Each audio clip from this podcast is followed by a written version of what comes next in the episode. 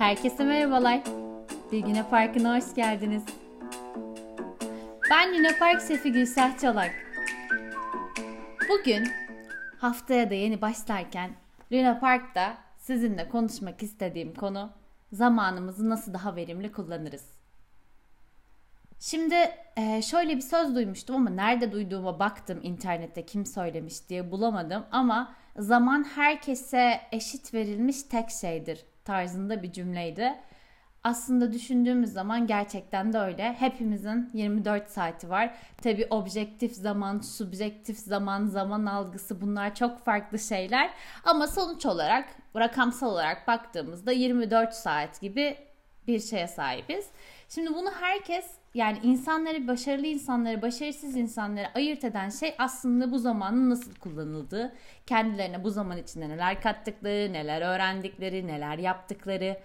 Aslında insanları yani karakterize eden şeyin bu zamanı nasıl kullandığı olduğunu düşünüyorum. Yani varsayalım biri gelip size bir film anlatıyorsa, bir kitaptan bahsediyorsa, bir seyahatten bahsediyorsa bunların hepsi onun sahip olduğu zamanı aslında nasıl kullandığıyla alakalı.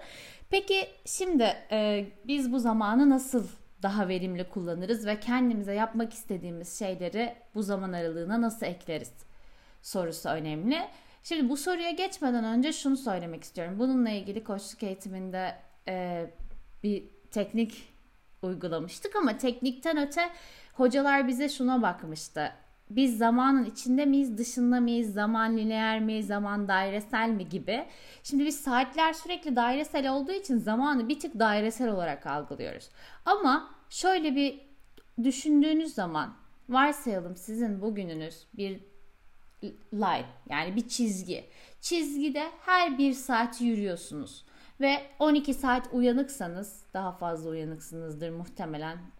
Yani 16 saat uyanıksanız mesela bu 16 saat dilimini her saati bir adım olarak yürüdüğünüze göre planlama yaptığınızda o saat içinde yapabilecekleriniz zihinsel olarak size daha net gelebiliyor. Umarım anlatabilmişimdir. Yani şöyle düşünün, günü bir çizgi olarak düşünün ve saat mesela şu an işte 8 ile 9 arası bir saat, 9 ile 10 arası bir saat ve bunun üstünde siz yürüyorsunuz ve orada yapılacaklar listesi var gibi. Bu bir e, yani zihinsel bir imgeleme diyeyim. Onun dışında şimdi şöyle bir şey var. E, Kaizen ile ilgili bir kitap okuduğumdan bahsetmiştim daha önce. Kaizen yolu Robert Maurer. Şimdi Robert Maurer de bu zaman daha verimli kullanmak adına uygulayabileceğimiz en küçük adımlarda e, dört tane maddeden bahsediyor. Ben bunu eklemeler yapacağım ama onun bahsettiği maddelerden de bahsetmek istiyorum. Onun bahsettiği maddelerden birincisi zamanınızı alan fakat sizin için yararlı olmayan ya da sizi desteklemeyen faaliyetlerin bir listesini yapın. Yani şöyle diyor. Mesela bugün içinde neler benim için bir faaliyetler, hangi faaliyetler beni desteklemiyor? Televizyon izlemek, dükkan dükkan dolaşmak, Instagram'a bakmak, Facebook'ta zaman geçirmek. Yani sizi için yararlı olmayan neler yaptığınızın bir farkına varın diyor. İkincisi denemek istediğiniz ve şimdiki faaliyetlerinizden daha verimli olacak faaliyetlerin bir listesini yapın. Her gün bu listeye bir madde ekleyin. Bunda da mesela dil öğrenmek, bir kelime öğrenmek. Kaizen zaten küçük küçük adımlardan bahseder ama size faydalı olacak şeylerin listesini yapın.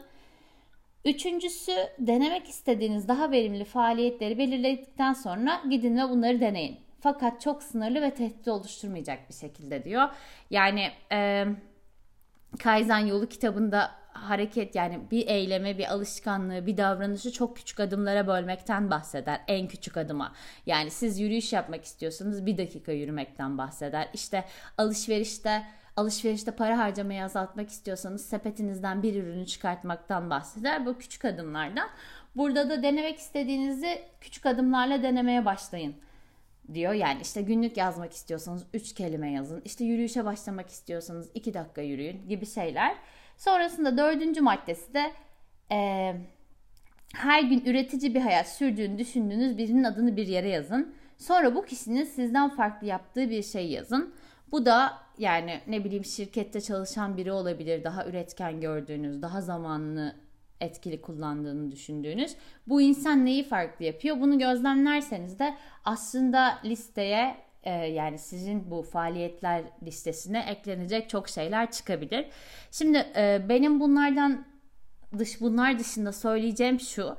Eğer bir gününüzü oturup gerçekten nasıl geçirdiğinizi yazarsanız yani işte sabah şu saatte uyandım, şu saatte kahve içtim, şu saatte şunu yaptım diye tek tek tek yani size verilmiş bu sabit zamansal birimi nasıl doldurduğunuza bir bakarsanız bu size çok büyük bir farkındalık sağlıyor. Yani diyorsunuz ki ya ben buradaki bir saatte aslında kitap okuyabilirmişim, e, ders çalışabilirmişim, işte yemek yapabilirmişim ama ben bir saat oradaki bir saat oturmuş Instagram'da zaman geçirmişim gibi. Yani sizin bu zamanınızı alan fakat sizin için yararlı olmayanı belirleyin diyor ya bu Kaizen yolunda da. Bunu yapmak için en ilk böyle bir gününüzü, standart bir gününüzü yazarsanız aslında hangi boşluklar var, nereler kullanılabilir bunları fark edebiliyorsunuz.